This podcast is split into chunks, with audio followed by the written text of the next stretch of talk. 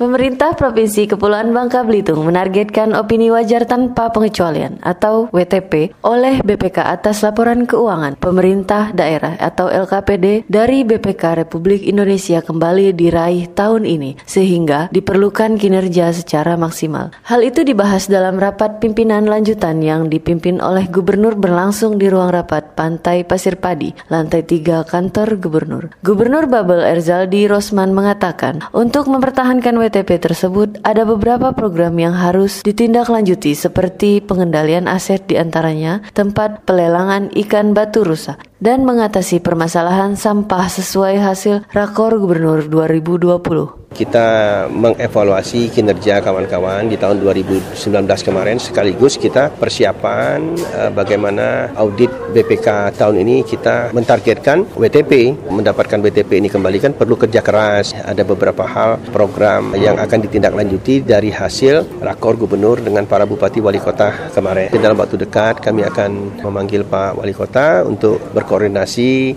keberadaan TPA ini nanti bisa ditanggulangi dengan secepatnya lah bersama-sama uh, sosialisasi kur agar kur kita ini kita berharap tahun 2020 ini agar kur kita ini lebih besar daripada tahun kemarin. Kami perlu mengambil beberapa strategi kebijakan agar kur tahun ini dapat diserap oleh para petani kita, para nelayan kita dan pelaku UMKM. Saya yakin dengan diterimanya kur ini pelaku ekonomi kita, saya yakin pertumbuhan ekonomi Bangka Belitung lebih baik. Selain hal tersebut, Gubernur memaparkan sistem integrasi SIMDA, tindak lanjut kewirausahaan yang dikaitkan dengan sosialisasi kredit usaha rakyat atau biasa disebut KUR dengan harapan KUR tahun ini lebih besar. Lebih jauh, Gubernur Babel Erzaldi Rosman menjelaskan, untuk penyerapan KUR lebih banyak, dirinya mengajak instansi terkait melibatkan nelayan, petani, dan UMKM. Mengakhiri rapim ini, kembali Erzaldi Rosman mengajak peserta rapim